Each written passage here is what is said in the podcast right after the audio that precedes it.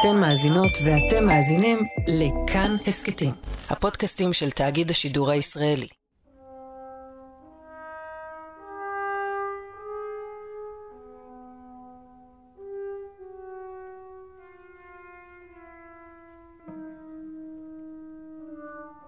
מאחורי הקלעים, שעה עם רותי קרן על צידו הנסתר של עולם התרבות והאומנות.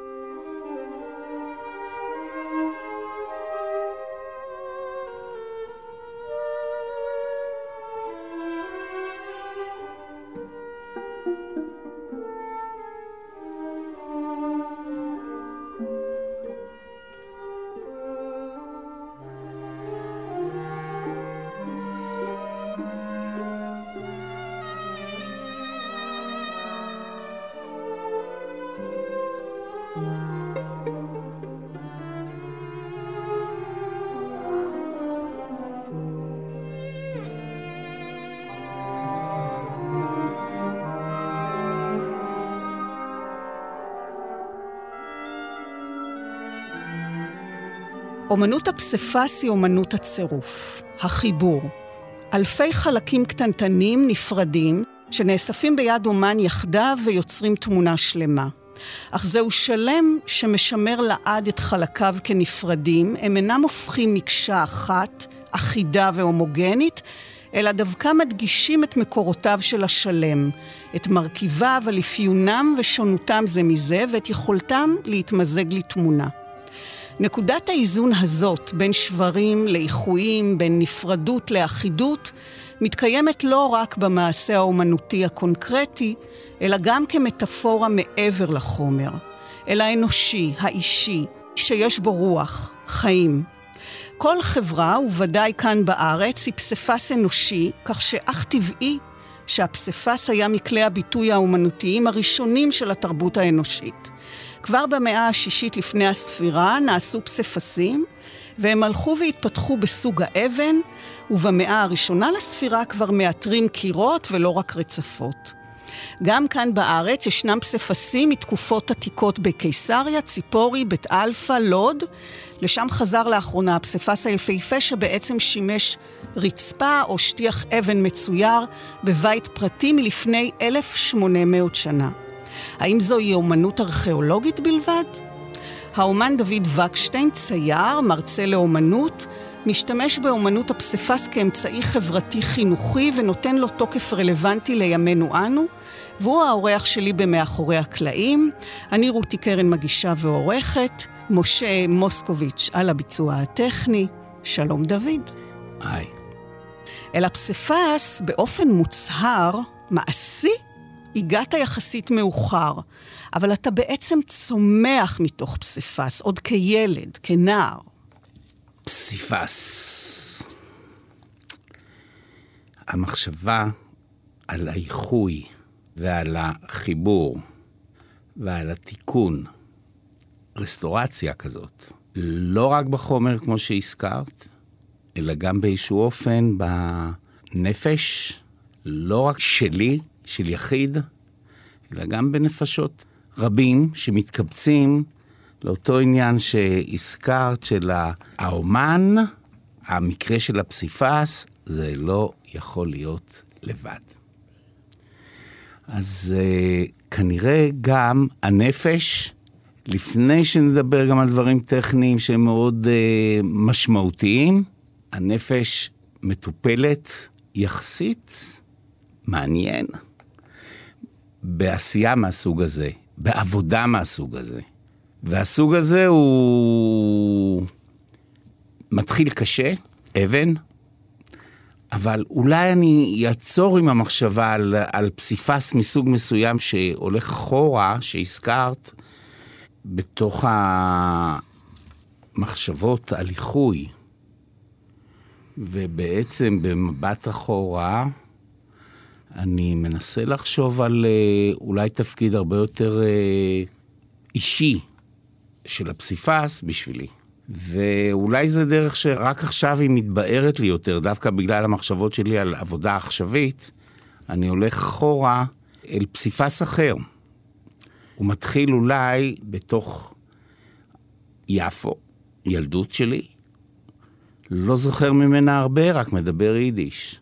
יחידה אחת של מערכת מסוימת, שלמה אולי כמו אבן אחת של פסיפס, המעבר, הקפיצה אל uh, רמת גן, שיכון ותיקים, מיידיש ביפו, דור שני של השואה כמובן, הורים שקיבלו בית ערבי פתאום ביפו, עוברים בהצלחה גדולה לרמת גן. וזה בדיוק עניין של שנה אולי, שהשכונה נקלטת, השכונה הישראלית, העברית, ויש עוד יחידה שמתחברת לשפה, ליידיש, לעברית, ולא מספיקים לאחות וליצור את התמונה, סבתא שלי, מהגרת, חולצת, מעבירה את כל בנותיה, כולל האימא שלי, כולל משפחתנו, לברונקס לניו יורק. אנחנו עוברים לאנגלית, עוד אבן אחרת בפסיפס, כאילו אנחנו כבר, יש כמה אבנים. והקטע בברונקס הופך להיות אנגלית, קומיקס, סופרמן, טלוויזיה, אנגלית, הקשבה לאנגלית. פורטוריקאים, שחורים, ילדים, כיתה א', PS 131, זה בית ספר public school כזה, שלא עוברת שנה, הכל ביחידות זמן די קטנות, אבנים קטנות של הפסיפס, והופכת להיות אה, שנה שמתפוצצת באפנדיצית שלא מצליחים המהגרים, הוריי ומשפחתנו, לא משתלטים, ויש במונחים של אה, נשפך החומר, והאיחוי של הפסיפס הזה מתפרק לגמרי, ונוצרת אה, יתמות פה. ומאותו אה, רגע המעבר חזרה, שוב חוזרים, המסע הזה לאבן העברית הזאת שהייתה קודם, חוזרים לישראל, וזה נגמר בקיבוץ. חוזרים, זה אתה, אבא ואח. ואח. אין, איבדת... אמי נפטרה, ומקבץ של אה, גברים קטנים, אה, שלישייה שברירית מאוד, מרוסקת. אבל עם אימא אתה בכל זאת במעט שנים האלה, בן כמה היית? שבע. בכמה שנים האלה כילד, בעצם איתה התחלת לצייר. הזיכרון היחיד שיש לי הוא באמת אה, קשור לציור. מאחר והייתה התפרקות, ועוד לא הייתה דרך אה, לחבר, ולכאורה המקצוע של אבא שלי, שהיה טפר, במילים אחרות, איש שטיפל ועשה נעליים. אנחנו מדברים על הדריכות המאוד בעייתיות, שאחר כך נהיה, אני ערני אליהן כל כך, אל הנעל ולהגנה על איך שאתה הולך. הוא נשאב לתוך קיבוץ עם בית חרושת לנעליים. וכל החברים בקיבוץ ואנשים בחוץ שהגיעו לבית חרוש נעליים הזה, שוב מדברים בכל מיני שפות, כי זה סנדלרים, זה הולך אחורה למשהו שנתפס גם בקיבוץ, מאותו רגע שאני בכיתה ב' מתחיל ללמוד בקיבוץ עברית, לקרוא ולכתוב, שזה ממש מתחילה להיות מערכת מסובכת, והוא נשאב לתוך הקיבוץ, אבל זה פסיפס פגום, כאילו אין התחברות ממש. ויש איזה סוג של, בתחושה שלי, גם דחייה של האווירה סביב. Mm-hmm. ועכשיו, באותה סצנת אה, מפעל בית חרושת לנעליים, שיושבים סנדלרים ודופקים וזה, ואבא שלי, חלק מהאנשים האלה שמדברים שוב רוסית ויידיש, ועושים צעד אחורה במבנה של השפה הזה, של ההצטברות של החיבורי שפה האלה, זה נגמר בזה ששנתיים אחרי זה מופיעה אישה, דוברת פולנית ויידיש. ואני משתלב בעברית ובקיבוץ כילד, מעורב, משפיע, משתלב עם אקדחים וחפצים וג'יבריש באנגלית, שידעתי לגלגל אנגלית לכאורה, וזה הופך להיות היו אז סדרות של מערבונים, שאני ראיתי בניו יורק כילד בן שבע, ובאתי עם אקדחים לקיבוץ ורובים, וזה, במדבן התחיל מעבר בשפה אל פלמחניקיות, צבריות. אגב, המושג הזה, סברס, זה היה איזה צליל שרץ כל השנים אחרינו, אחריי. זה צבר ביידיש, וזה היה סוג של גאווה בילדות. ואחרי זה, כשנכנסנו לקיבוץ, איזה סברס ביידיש. אז זה פלמחניקיות, מין סוג של יהירות אחרת. ואז מגיעה האישה הזאת שהופכת להיות אמך חורגת, עם בניה, שני בנים. ומביאה את העולם של השואה אל הקיבוץ, אל הפלמ"ח, ושוב עוד, דיסוננס כזה. כן. המסע בתוך אה, קיבוץ לגדול, כשנכנסת אימא חורגת עם שני בנים שמדברת יידיש ומדברת בלילות, אה, מספרת על אה, צעידת המוות, על, על עבודה במחנות כפייה, אולי זה היה שינדלר אפילו, אני, אין לי מושג. אבל זה הסיפורים. ליד זה מתקיים האתוס הציוני, הגברי, שהולך. מגיע לסוג של אה, בגרות עם ביטחון לכאורה של צבא וכך הלאה. אני מתגייס לצבא בגיל אה, 18, מתגלגל איכשהו בסופו של דבר אחרי כמה חודשים לשריון, לטנקים, ומוצא את עצמי ב-73, שבת בצהריים, מופצץ באמצע סיני, זה סוחויים או מיגים, לא חשוב, מצריים, ומתחילה נסיעה לעבר התעלה על הטנקים. אני לא מגיע לתעלה בטעויות טכניות של טנק נתקע, אנשים שלא הכירו ולא ידעו אחד על השני.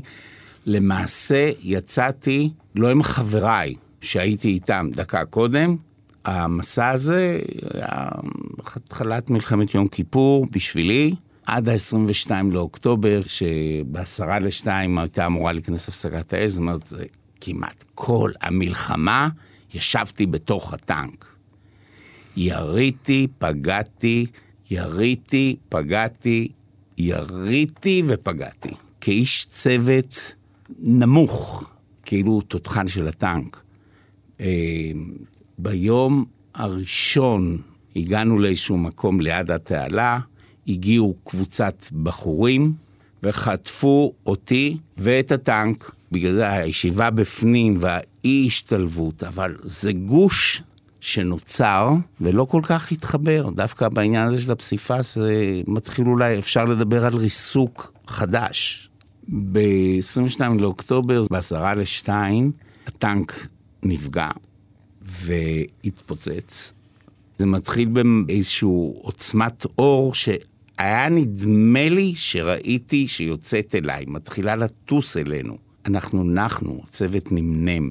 והפגיעה, בוהק, פירוק, עוד פעם אנחנו על פירוקים, אבק, חום, צריבה. כנראה שזה היה כמה שניות, אבל זה בא בגדול.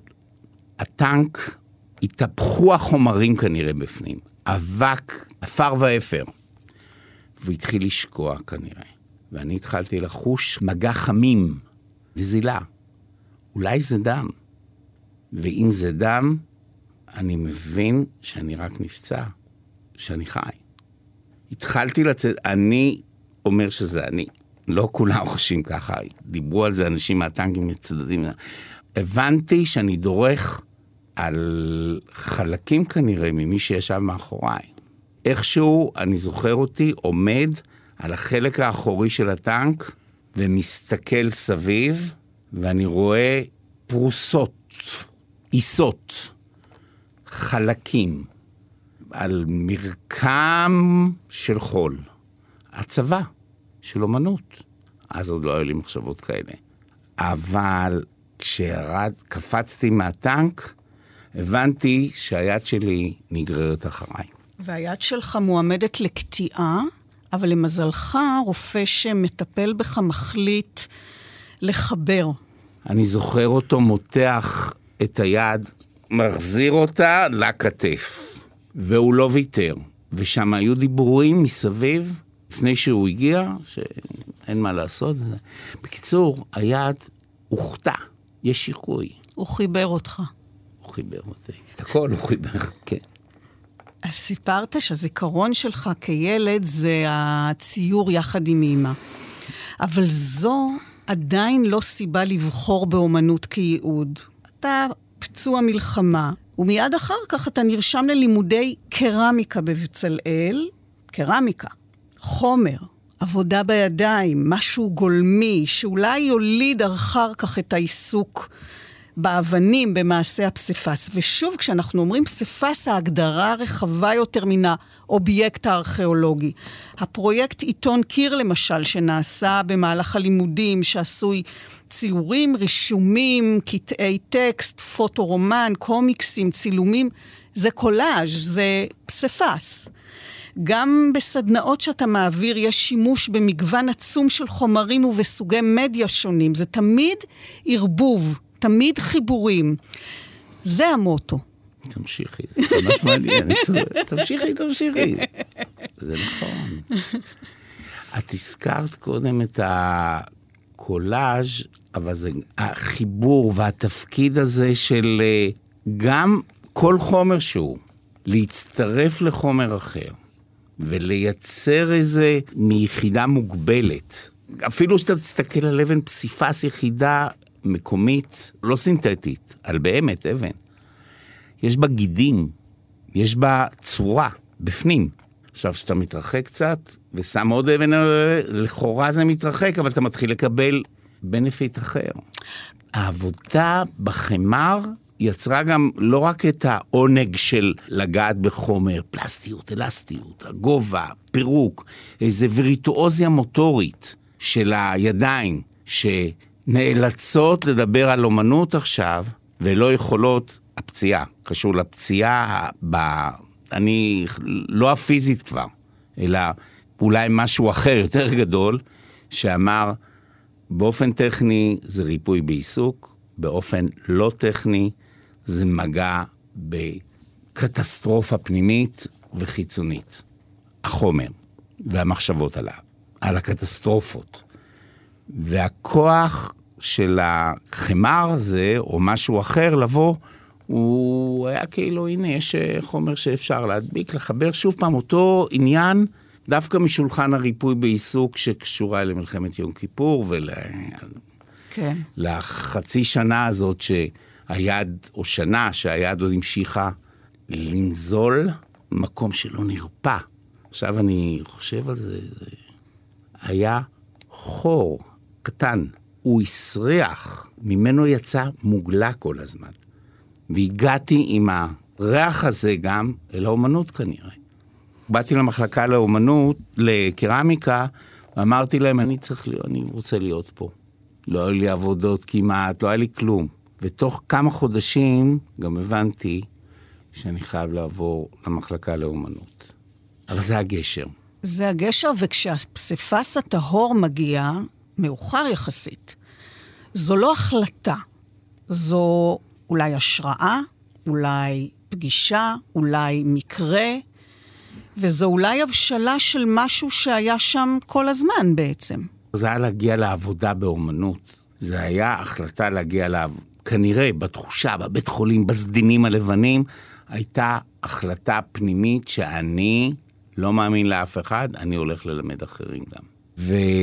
וכמורה, במסגרת uh, קורס, יצאתי עם תלמידים לסטודי, לסטודיות של אמנים אחרים, לשיחות. ואחד מהם uh, היה אמן בשם יעקב חפץ, והוא חי בקיבוץ אילון, והוא אמר, בוא אני אראה לך גם מקום, אה, והוא פותח דלת, ויושבים חברי קיבוץ מבוגרים ומבוגרות, וחותכים אבן ומתאימים אותה, או יוצרים אולי אורנומנט או משהו אחר, אני לא, אני לא זוכר בדיוק, אבל הם דיברו ביניהם, וזו הקבוצה גדולה של אנשים מבוגרים שמעניין להם, הם עובדים ביחד.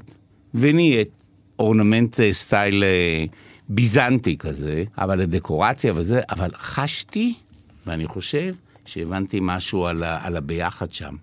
וזה הצית את העניין. זה בעצם היה הרגע, נכון? אני חשבתי על הפסיפס כדבר שצריך המון השקעה, המון מאמץ בו. אני לא ראיתי אותי עושה עבודה כזאת גדולה לבד. התנועה של מכחול הרבה יותר קלה מאשר לשים אה, אבן ליד אבן בקצב של אלפי נגיעות, עם היד או, או חיתוכים. אבל כשאני ראיתי שאחרים עושים את זה, חשבתי בהצטרפות אל חבורה כזאת, או אל קבוצה כזאת, או אל ביחד כזה, אפשר ציור להפוך גם לפסיפס, דבר שאי אפשר לעשות אותו אם אין לך המצאה של החיבור החברתי המחבק הזה, השיתופי. זה מה שתפס אותך. זה מה שתפס אותי. אז בוא נדבר קצת על אומנות הפסיפס. רובנו מכירים אותה מביקור באתרים עתיקים, מקומות קדושה, כנסיות למשל, בתי מרחץ. הפסיפס המתאר את אה, תולדות אה, העיר תל אביב של הצייר נחום גוטמן. משהו בחלקיקים הקטנטנים הללו, הצבעוניים, שובה את העין. יש לך הסבר? אני חושב שזה לא מעניין בכלל, וזה לצייר ולייפייף ולהתייפייף ולעשות אהבה שחוזרת ונמצאת בתוך אה, איזה מעגל סגור, שהוא לא, לא עוסק במה שפירור וריסוק וחיבור יודעים לעשות. תהליך שיותר נפשי, נאמר. הפסיפסים מן העבר, פונקציונליות, מלדרוך עליהם עד להסתכל או לקשט אולם אה, או מוסד או ווטאבר. אבל יש שם ציורים. זה לא בגלל הציור, זה בגלל שאני מנסה לחשוב איך המדיום הזה יכול להיות עכשווי, לגעת באמן החי, המתלבט, המחפש דרך, המנסה להגיד משהו גם פנימה אל עצמו, להבין משהו. אז ככה אתה חושב גם על אה, ציורים עתיקים? גם על אומנות הרנסאנס, אתה חושב ככה? שהם לא נוגעים...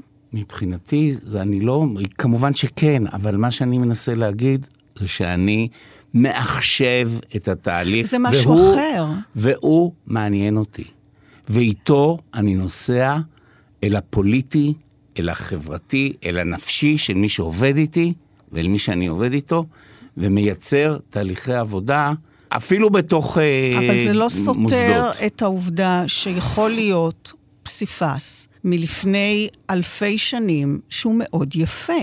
אנשים אוהבים להסתכל על זה. אני תהיתי איתך אם אתה מבין מה שובה את העין בזה. אני רוצה לא לדבר על מה שאנשים שווה להם, או יפה להם, או ווטאבר. אני מדבר על עבודה, על יצירה, על תהליכי עבודה עכשיו. אני מייצר שותפות לייצור עבודות ופעולות, שחלק מהם הם בפסיפס, לפעמים הם עולים על ציורים. אני עושה אביוז לפסיפס. מה זה אומר? ליכולת, ליפה הזה, mm-hmm. מהארכיאולוגיה מחובקת, היסטורית, לא מאיימת עליך כאדם, אלא זה מין אה, זיכרונות של חברה ושל אסתטיקה. אני לא רוצה להדיר את המהלך הזה, להפך, אני רוצה לפצוע ולגעת במוגלות. האם פסיפס יוכל לעזור בזה? כשאני נוסע לג'ואריש עם אוטו מלא חומרים, ולרמלה, ואנחנו מקימים מקום שיהודים וערבים, נערים ונערות עובדים ביחד, זה המקום שהוא לא חושב על יפה, הוא לא חושב על... יכולתי לשבת ולהראות סיפסים מן העבר בכדי שיהיה חיבור. אנשים, מנהלים, מורים, אנשים מבחוץ, צופים, להאמין שהמדיום שהם הולכים לעבוד איתו הוא מוכר והוא, והוא אמין וזה, אבל אני איתם מייצר תוצאות אחרות. אתה למדת לעבוד בפסיפס? זה משהו שלומדים? כן, לומדים, אבל אני לא למדתי. לא למדת? לא. בבצלאל העכשווי, אנחנו מדברים על שמרנות מול מחשבות על עכשוויות. איך אני, איך אפשר להביא מארכיאולוגיה לעכשיו. מיפה של פעם, מיפה של משהו. הקריקטורות שגם השתמשתי בהן לאורך הזמן, הן קריקטורות אנטי-נאציות, אנטי-שמיות, אנטי-ציוניות. כולם עסקו באיך נוגעים ברוע.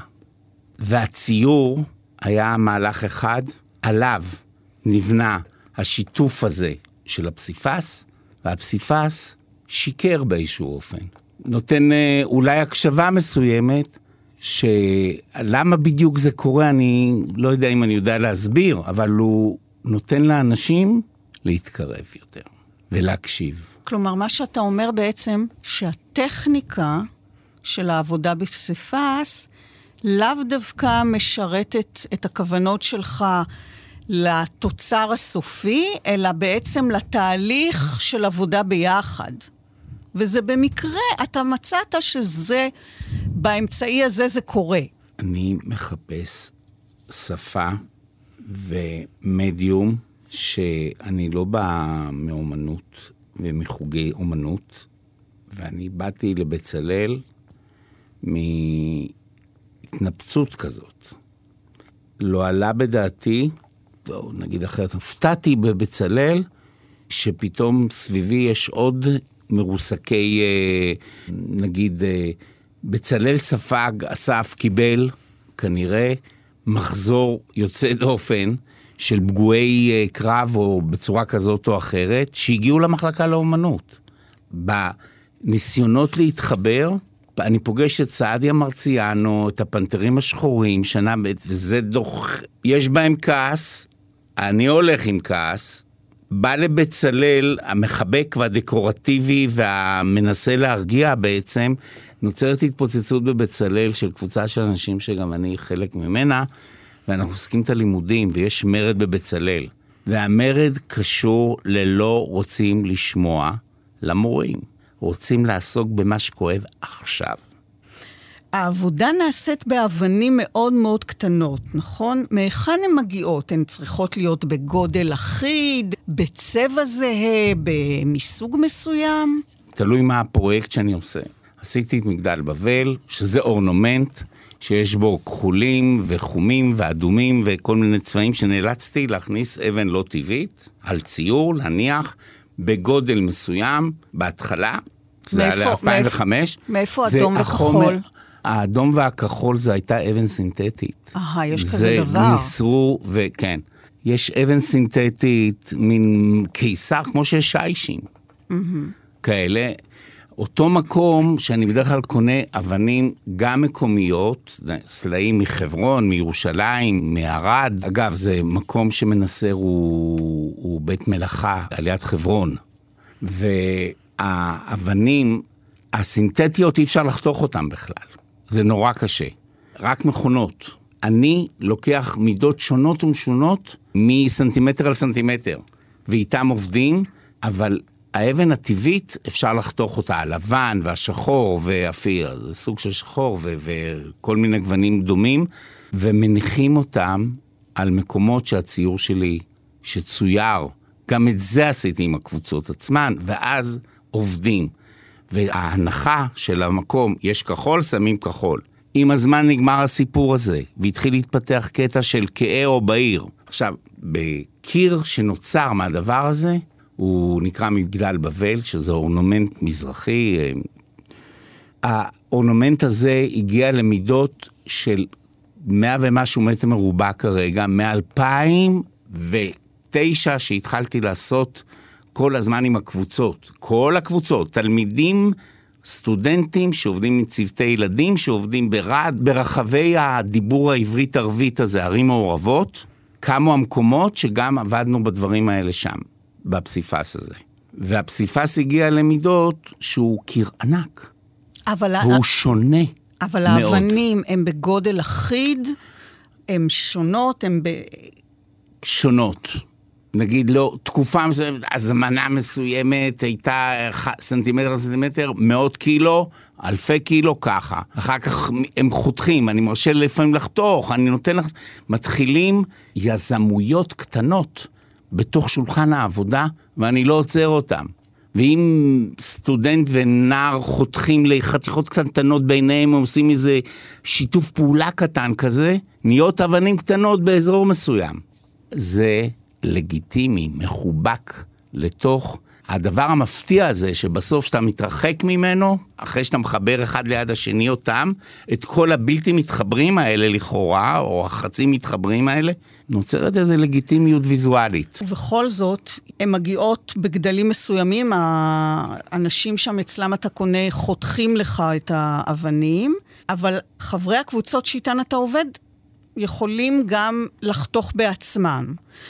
ואת זה צריך לדעת. צריך מיומנות, זה אפילו הבנתי, זה עלול להיות מסוכן. כן. העבודה היא קראפט בסיסי. עובדים עם קאטר. זה חותך אבן, עריכים.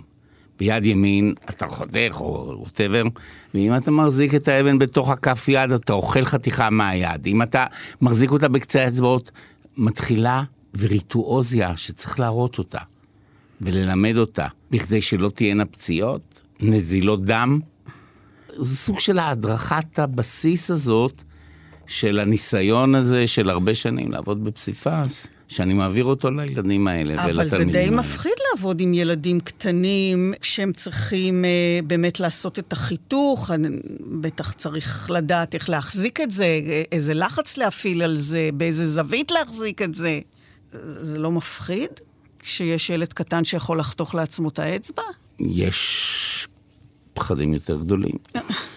אפשר על המפחידים האלה להשתלט, וזה... הם לא מפחדים?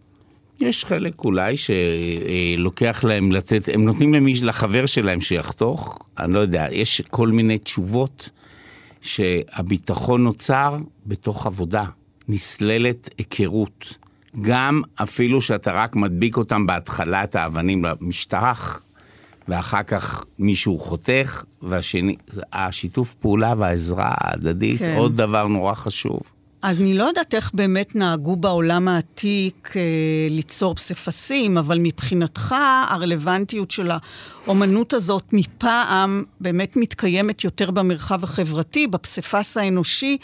שהיא מאפשרת, העבודה הזאת של הרבה אנשים שונים יחד, ואתה מגיע באמת לכל סוגי האוכלוסייה בארץ. אני מגיע לאוכלוסיות מסוכסכות, דוברות שפות שונות, עברית, ערבית, וזו משימה גדולה להקים חדר מלאכה. וחדרי המלאכה האלה הוקמו ברהט, באופקים, בשגב שלום, יישובים ערבים.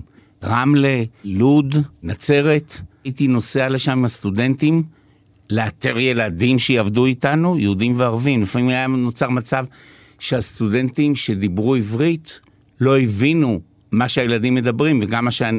כאילו נהיה לנו בלאגנים בשפה שוב, mm-hmm. ובכל אופן הפסיפס, או בכלל הציור והעבודה, יצרה איחוי, ויצרה כן איזה ביחד. אבל כל אחד מביא גם משהו אחר, נכון? כאילו, תרבויות. ברהט או במקומות אחרים, קודם כל לוקחים מזה בסקרנות מטורפת שלהם. מופיע מישהו עם רכב, כמו איזה סוג של אמבולנס כזה, עם חומרים בפנים, ואומרים, אה, תשמעו, זה מבצלאל, ירושלים, כאילו הרחוק הזה mm-hmm. של מה שלא יודעים על הישראלי, על היהודי, ואני מניח שהסקרנות הייתה אדירה, והציפייה הייתה, וככה זה עובד, שאני קודם כל נותן, ואני מניח להם אפשרויות. יש פה איזה אי בהירות איך לרצות ציפיות. הם לא באים במקום, אני רוצה לעשות רקמה מסורתית. עובדים על הפסיפס, נוצר קשר ואמון, ואתה רואה איך שהיא חותכת את האבן, או הוא חותך את האבן, מניח אותה באיזה קצב ובאיזה כמויות, ואתה רואה את הרקמה שם. מה זאת אומרת רקמה? אתה רואה את הצורה ואת הדקורציה. ואת נגיעת העיצוב המסורתית הזאת, שנעה פנימה לתוך העבודה לכאורה האחרת שאני באתי עם... אה, בגלל שאני נותן לזה לג... אני לא עוצר אותם. אתה אני... אומר ש, שהבנות הבדואיות רוקמות באבן? אהבתי. לא רק באבן, גם במכחול ובדיוקן שהם ציירו את עצמם, ועשיתי כל מיני פעולות שהביאו לאותו קיר שנמצא בבאר שבע, קיר אברהם, שהשתתפו בו 360 תלמידים יהודים, ערבים, נוצרים, ואת רואה כתב יד אישי בתוך קבוצות. קבוצות שונות, אז גם יש חלקים בסגנונות שונים באותה תמונה?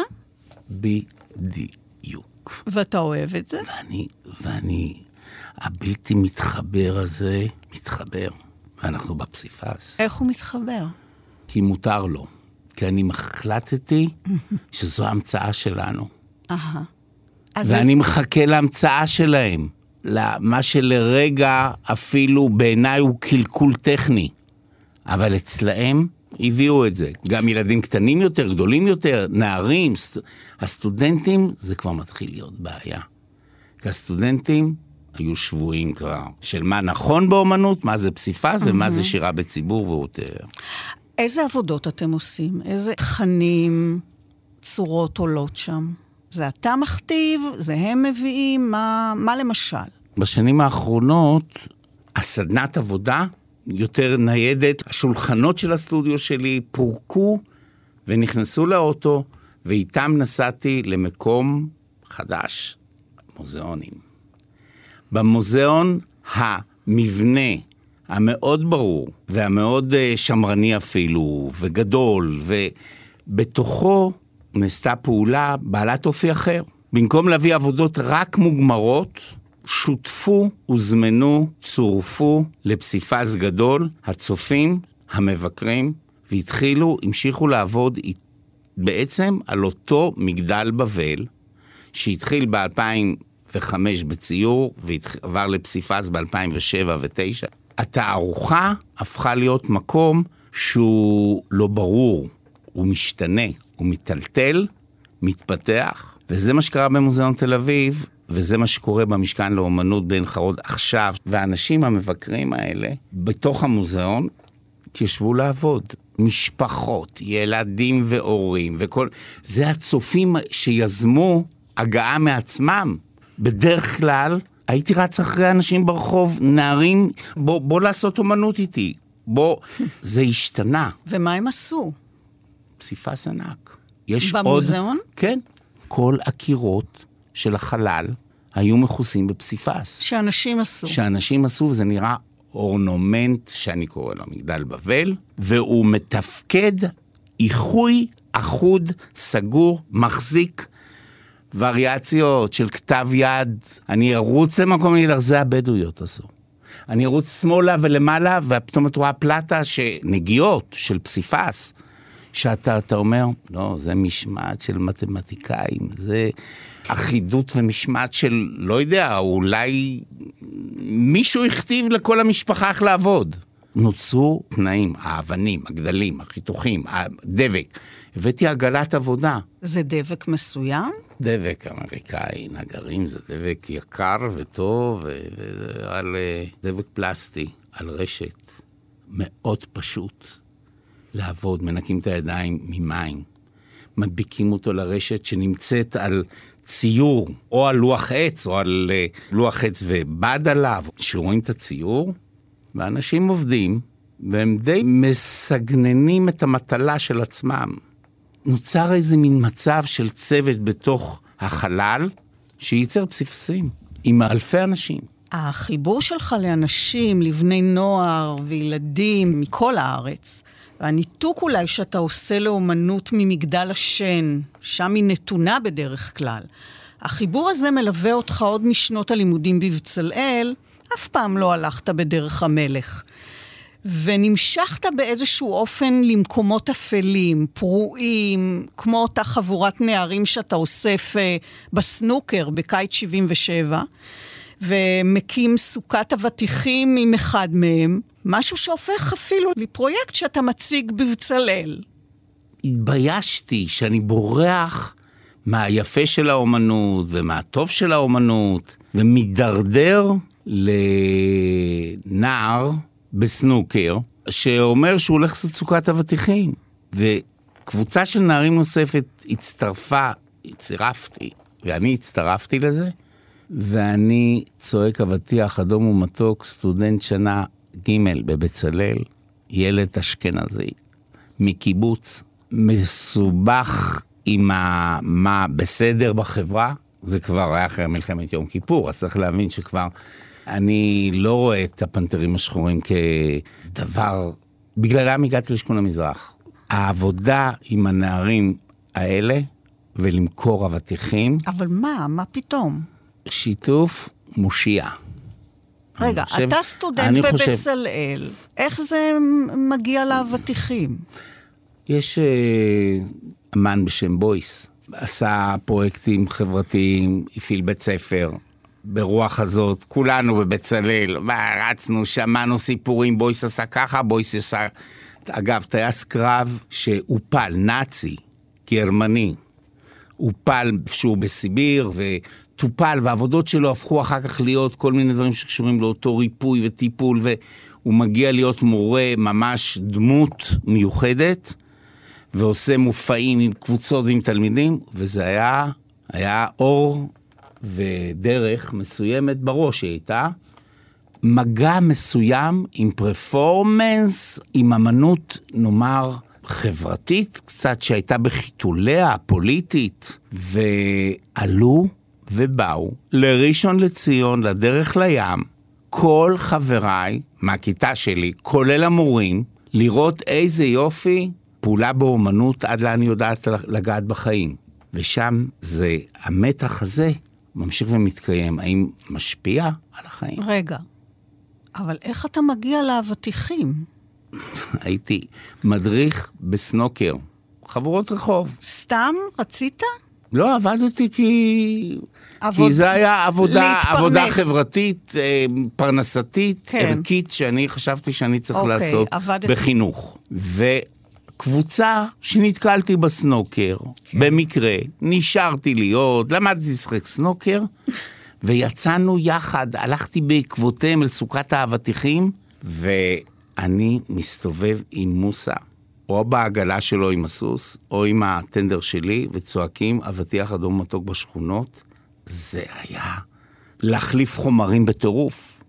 זה היה לעבור עולמות, זה טלטלת אה, חומרים, אה, חברה בישראליות שאני הכרתי, שאני הבנתי עד אז, זה היה מטורף בשבילי. כשהשפה הזאת פיסה מהחיים, עבריינות, פשע, סמים, שוליים של חברה, האמנות נוגעת בהם, ואולי אפילו ההימצאות שלי שם והשיח של שתי שפות, אני הגבוהה נגיד, הקיבוץ או ווטאבר בצלאל, והם אחרת מדברים, כמו באמת עבריינים, היו חלקם באמת עבריינים, והנה, בוא לנסות לחבק לאחות.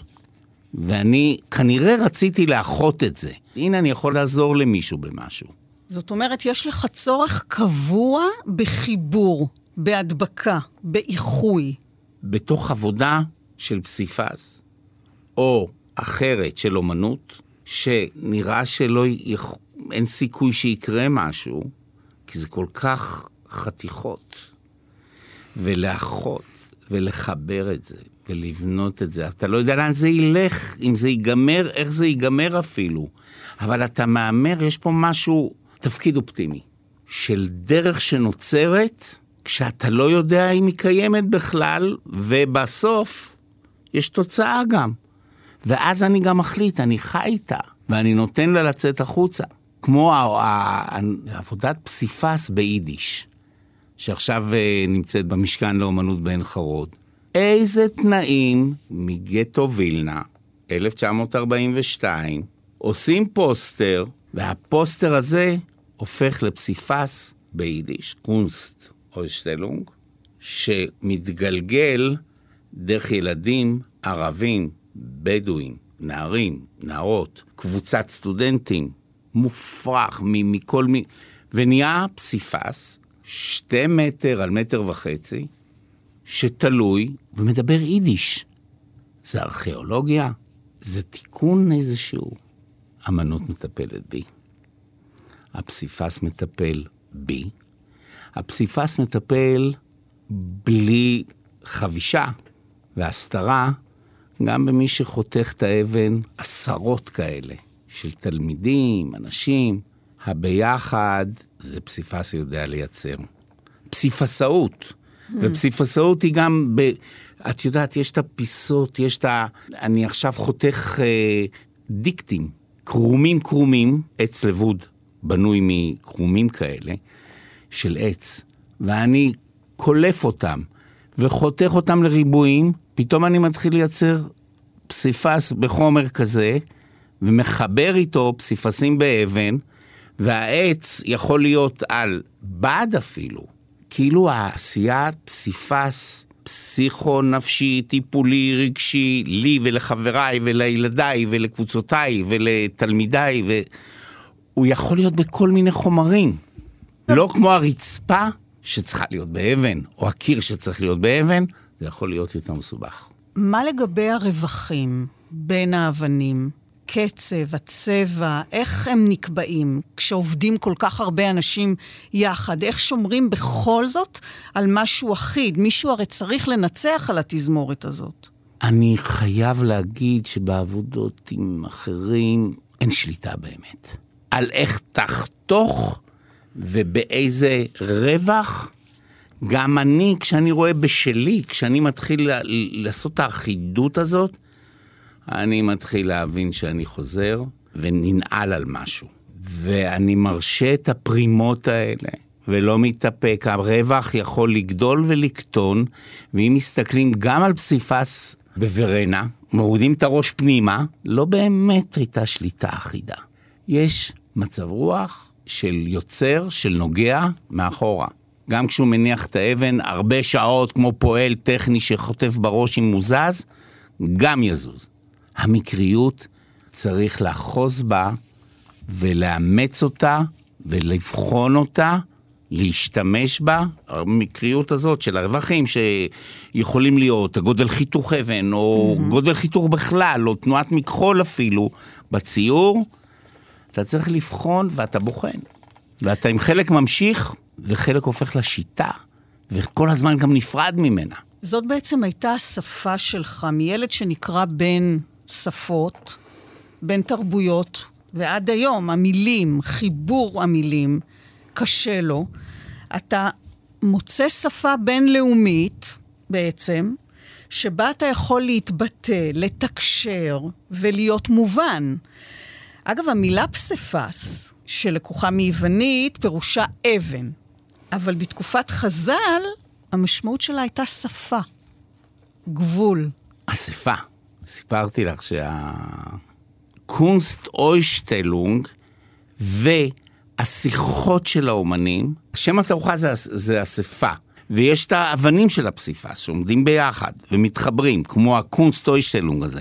יש אה, אי נחת גדול לדברים גולמיים כאלה, מחוספסים, כמו שאני עושה פסיפס, כשהם באים על צילומים מעודנים ואיכותיים של אמנים שדיברו איתי, יוצר קולאז'ים וולגריים, גסים, קשים, אבל הם מתחברים. הם מתחברים.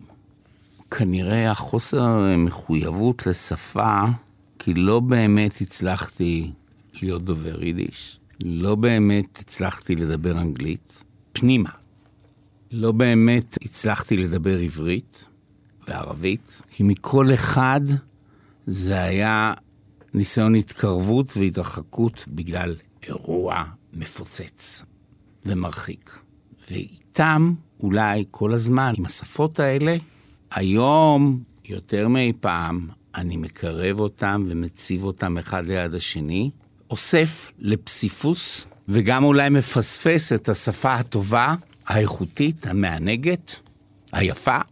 כאילו באיזשהו אופן הפסיפס לכאורה מאכזב, במובנים של היופי, למרות שהעבודה במגדל בבל היא יפהפייה במובנים של אורנומנט, לא מספר סיפור כל כך, אלא מייצר קצב, מייצר עונג.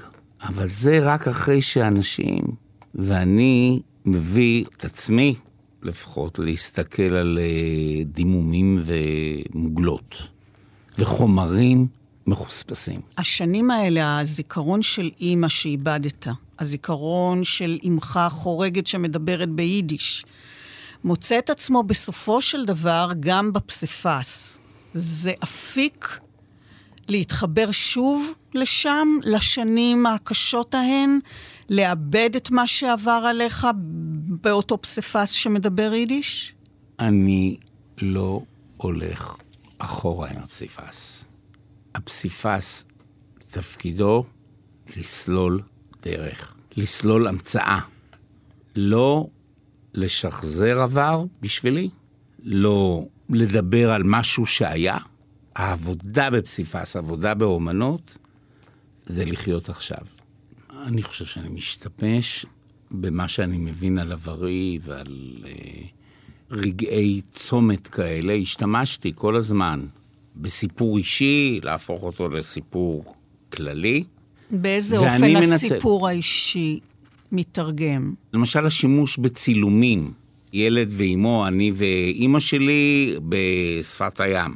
איך הוא יגולגל לאורנומנט מיניאטורה פרסית וציור צבעוני מטורף, והבנייה של אה, סילואטות ענקיות שנראות כמו שטיחים גדולים, ובאמצע יש את הדמות הקטנה של אה, ילד, אישה, שאני יודע שאנחנו יודעים שזה נגיד החומר שהוא בא מצילום אישי, ואיך הדבר הזה הופך להיות uh, סדרה שעוסקת בצבעוניות, ברוע, זה מבוסס על אורנומנטים של, לא אורנומנטים, מיניאטורות פרסיות אכזריות ביותר של שדה קרב, אבל הצבעוניות מתקתקה יפהפייה, מאושרת וזה, ומצד אחד זה. ומצד שני, אני יודע איפה אני נוגע, בכאב אחר, בתוך מרכז הבד הענק הזה. תערוכת אימא במוזיאון ישראל ב-1988, 77 ילדים קיבלו משימה להצטלם עם אימא שלהם, הם כולם הגדילו את העבודות שלהם, כמו שאני באותו זמן ציירתי גם את אותו סוס קטן על שפת הים ביפו, בג'ובליה, עטוף במידות אדירות של שלוש על ארבע מטר בד שלי, וביחד נהיה installation ענק, מחובר, של קבוצות העבודה. כל החלל היה ילד ואימו, ילד ואימו, ילד ואימו, וגם אני.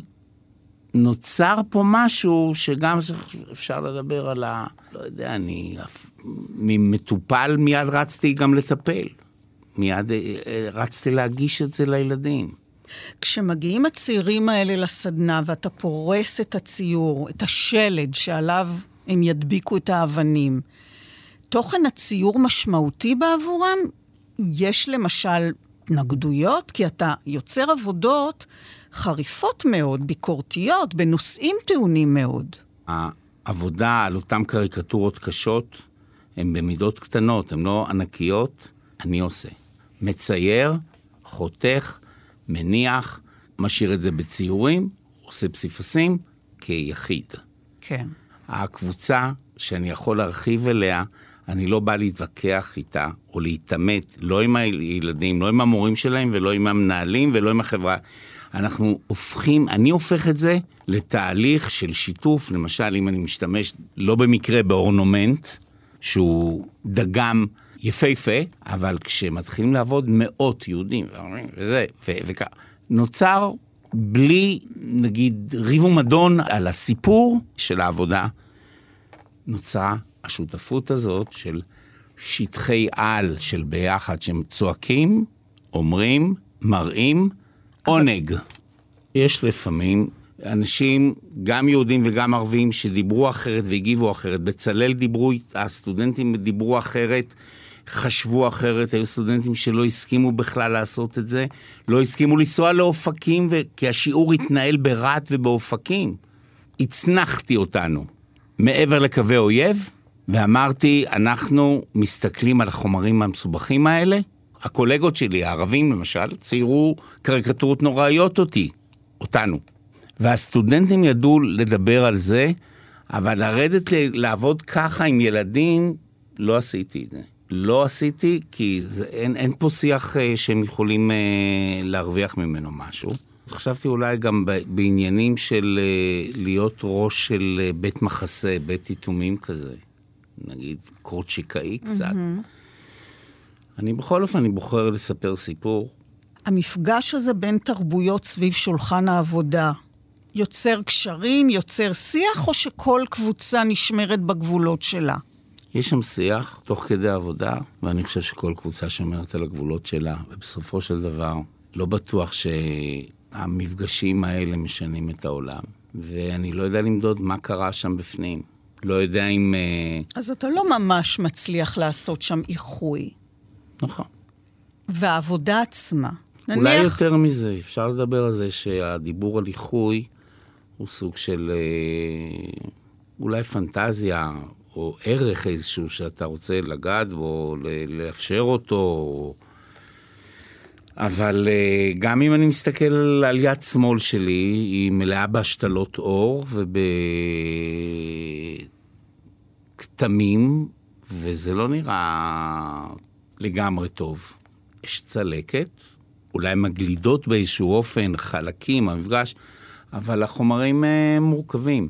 והעבודה עצמה, מישהו נפצע, משהו משתבש, זה עלול לקלקל עבודה שלמה, לא? לא. להפך. יוצר הרכב, עובש, קלקול, נזילת משהו, לא רוצה להגיד דם, אבל הציפייה הסטרילית הזאת איננה עבדה לי, אין, אין, אין צורך בה. היא שקר, היא כזב, אני נלחם בה, אני מבקש את המקריות לגלות את המשך הדרך, וזה למקריותים, אלה תקלות. גם לך בוודאי קורה טעות, משהו בלתי צפוי. אין כעס? תפקיד המקריות, למדתי להבין שהוא אדיר. התקלה, אני כמעט אגיד שהגבולות הפרומים, כשקורית תקלה והיא לא נעצרת, אלא פתאום היא הופכת להיות תגלית. כל רגע קורה בסטודיו. לפעמים אתה קם בבוקר עם מחשבה בראש כזאת של אני אנסה משהו ואתה יוצא לך אחרת לגמרי, ואתה הולך עם האחרת לגמרי. אני לא עוצר לנסות אה, להחזיר את המתים. אין. להשתמש במה שנהיה פה. כמו מה, למשל? נופל, נשפך, נוזל לך. אתה מצייר דבר מאוד ספציפי, פרוסת לחם, ריאליסטית, קטנה, על נייר, ונשפך הדיו, הדיו השחור נמרח מסביב, ופתאום מופיע כתם מאיים, מפלצתי, שהוא נשאר על הרישום היותר אה, ריאלי ומסודר, ועוד פגע שמשנה ויוצר בכלל פתאום הפתעה, שאני אומר, רגע, אולי אני אשתמש עכשיו בלשפוכים האלה, mm-hmm. ונהיה פה רגע שעושה לי את העבודה הבאה, שאני יכול ללכת הלאה. ואני מנסה עד שמשהו קורה, שאני אומר, די, מספיק עם זה, ואולי נוצרת איזו הפתעה בדרך שאני מבין אותה במודע, בהסתכלות, או שהיא פורצת לי פנימה, בקלקול. ואני אוהב את הקלקול, כי אני לא, לא באמת אנחנו מתים מקלקולים. באיזשהו אופן, הם מחיים אותנו. אז בפח שלך אין אה, ניירות שזרקת? כמעט ולא. הוא ריק?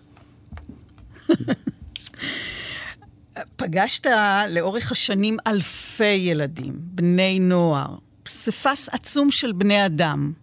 יש מישהו שזוהר בשבילך במיוחד, איזו אבן יקרה שקרובה ללבך? יש כנראה אנשים שגדלו, אותם ילדים, ונהיו אנשים מכל מיני סוגים, ומכל מיני מקצועות. ואני לא יודע מה, מה בשבילהם, חוץ מזה שאני שומע שלפעמים לא זרקו אנשים שהם עכשיו בני 45-50, שהעבודה שהם עשו בחוגו תלויה בבית של ההורים או שלהם עצמם, כאלה דברים. אייל אסולין, אומן.